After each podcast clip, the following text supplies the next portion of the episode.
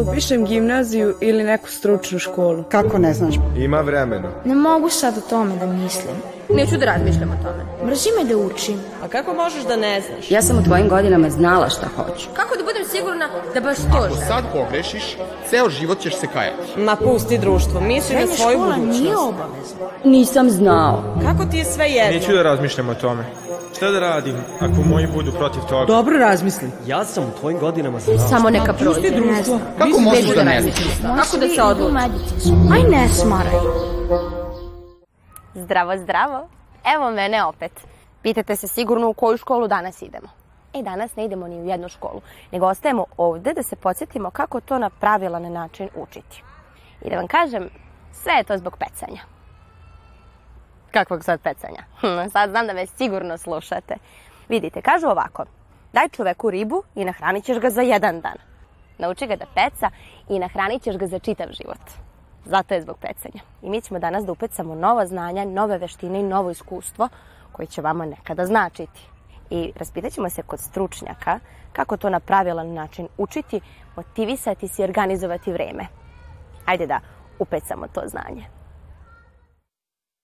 Često dobijemo dobru ocenu i kažemo to je bilo na sreću, nisam stigao sve da pređem, ali eto, pogodila su se pitanja i to dosta loše utiče na naše samopouzdanje. Mi smo ostvarili nešto dobro, i, uh, ali iz nekog razloga uh, nismo dobili uh, neko unutrašnje zadovoljstvo za to što smo dobro uradili, već eto, krivimo neke okolnosti za to druge. Tako da mislim da je jako bitno da radimo na tome da bismo i za budućnosti u srednjoj školi kada budemo spremali mnogo obimnije predmete, da prosto imamo samopouzdanje i da znamo da mi to možemo. Sad kad smo već kod te obimnosti koja dolazi u srednjoj školi, a opet i sad postoji toliko gradiva koje moramo da naučimo i mi da možemo da podelimo to na dane i da pohvalimo sebe, ali kako se izboriti sa tolikom količinom gradiva, problema, mm -hmm. ispita. Mm -hmm. Negde nas uhvati panika kad imamo mnogo stvari da uradimo, pa se onda sklanjamo od te panike u neku mm -hmm. pasivnost. Kako se rešiti toga?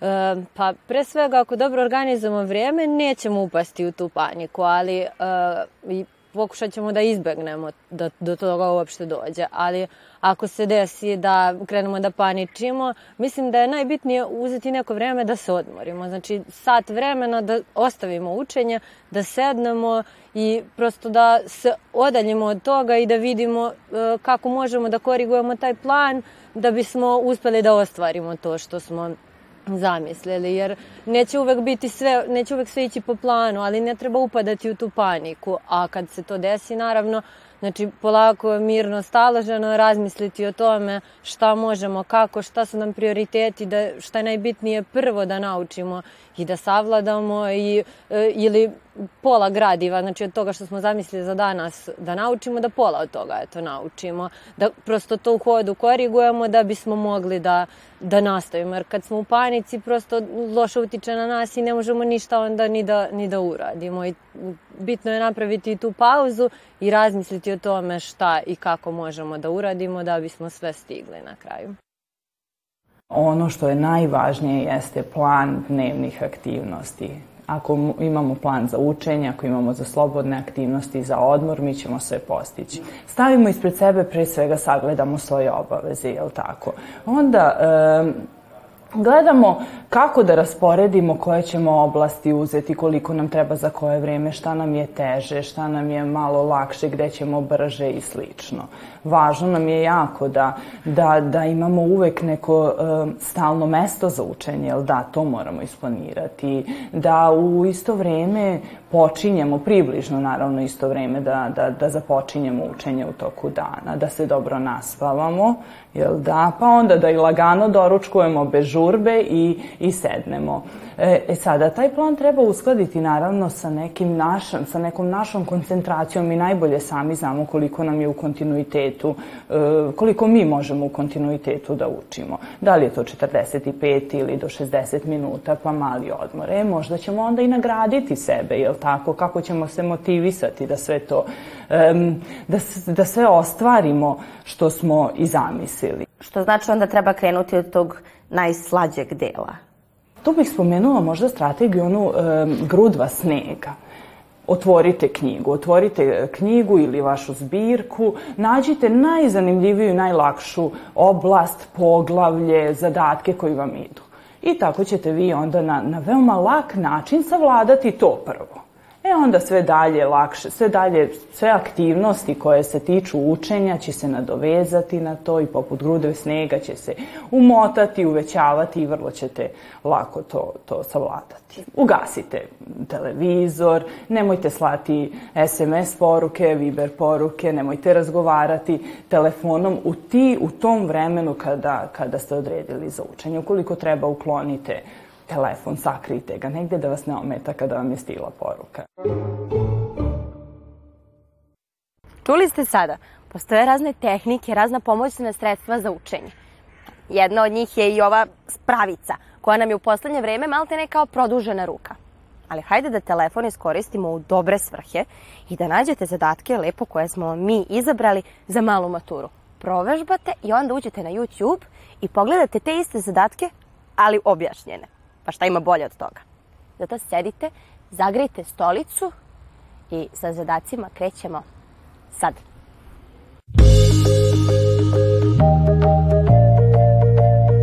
Kojim redosledom se smenjuju vegetacijski pojasevi u našoj zemlji u zavisnosti od nadmorske visine? Bukove šume, mešovite šume bukve i četinara, hrastove šume, četinarske šume, pašnjaci, suvati.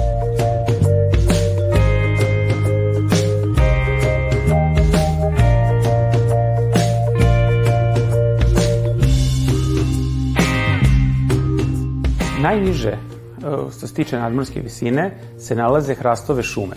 One rastu već od tu od 200 do 500 metara nadmorske visine i one se nalaze uvek u ravničarskim predelima kao što je slučaj kod nas ili na nižim planinama kao što je najčešće slučaj recimo u Fruškoj gori.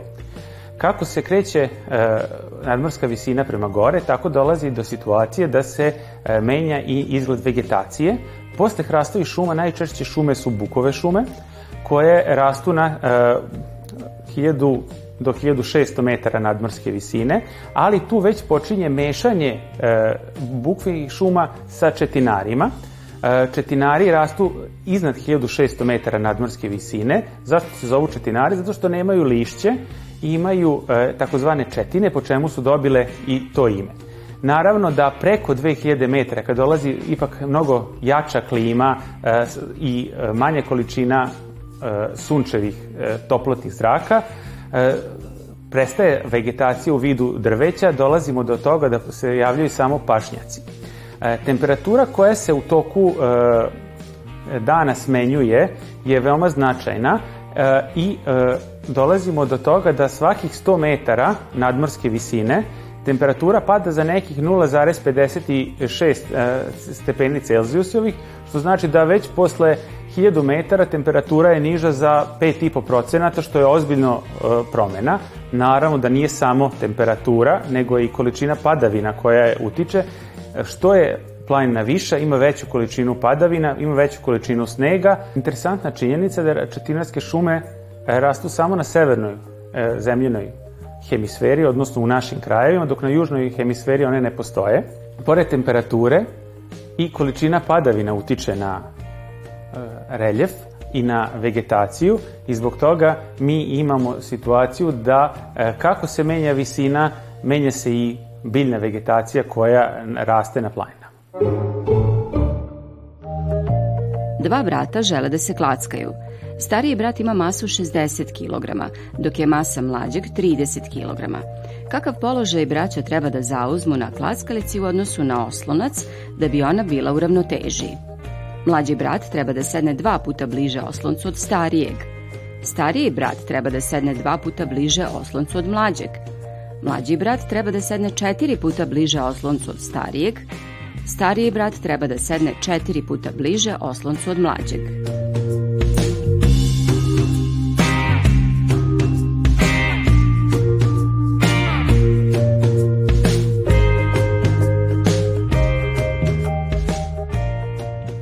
Odgovor, stariji brat treba da sedne dva puta bliže osloncu od mlađeg. Kako bismo rešili ovaj zadatak, potrebno je da poznajemo uslove statike. Naime, imamo dva uslova statike. Jedan je da je zbir svih scila u jednoj napadnoj tački jednak nula, a drugi je da je zbir svih momenata sila nula.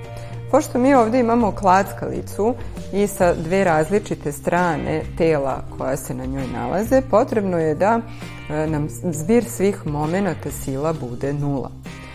Kako je stariji brat duplo teži od mlađeg brata, potrebno je da stariji brat ima kraći krak sile, odnosno da sedne bliže osloncu klackalice u odnosu na mlađeg brata.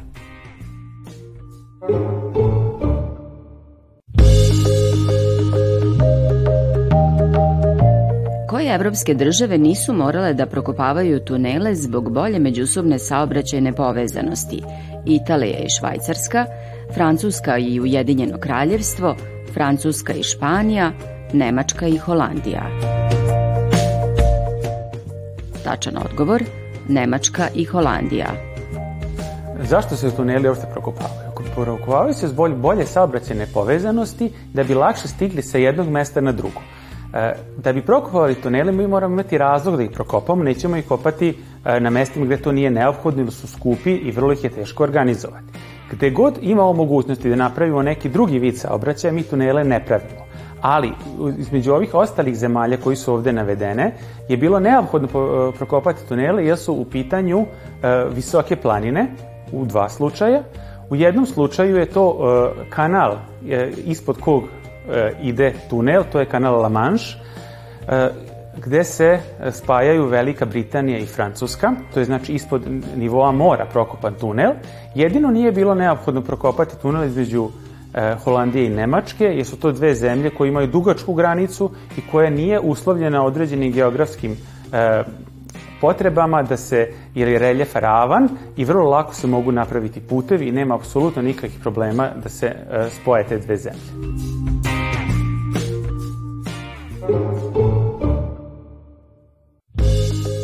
Nepoznata substanca se topi na 776 stepeni Celzijusovih i njen rastop, istopljena substanca, provodi električnu struju. U substanciji je zastupljena nepolarna kovalentna veza, polarna kovalentna veza, jonska veza. Tačan odgovor, jonska veza. Tačan odgovor jonska veza može se potkrepiti na sledeći način. Ionske jedinjenja nastaju između atoma metala i nemetala primopredajom elektrona, pri čemu metali otpuštaju elektrone, a nemetali primaju elektrone. Otpuštanjem elektrona metali postaju pozitivno elektrisane čestice kationi, a nemetali negativno elektrisane čestice anioni. S obzirom su nastale čestice ioni koje imaju pozitivno negativno elektrisanje, između njih se javljaju jake elektrostatičke sile koje doprinose samoj strukturi. Jonske jedinjenja grade jonske kristalne rešetke, one su veoma jake i dobro složene, upravo zbog postojanja elektrostatičkih sila. Da bi se narušila jonska kristalna rešetka, potrebno je dovesti veliku količinu energije i samim tim možemo da zaključimo da jonske jedinjenja imaju visoke temperature topljenja i ključanja. Za razliku od jonske veze, hemijske veze kod kovalentnih jedinjenja su znatno slabije, što je posljedica nižih temperatura topljenja i ključanja. Jeste čuli? A nije to baš tako strašno. Samo pazite da ne potpadnete pod utice okoline, vaše treme, pritiska. Opustite se, sedite, odlučite šta želite, kako ćete do toga da dođete i na kraju sebi recite ja to znam i ja to umem. I nećete pogrešiti. Ono što ja znam je da se sledeće nedelje vidimo. Pozdrav!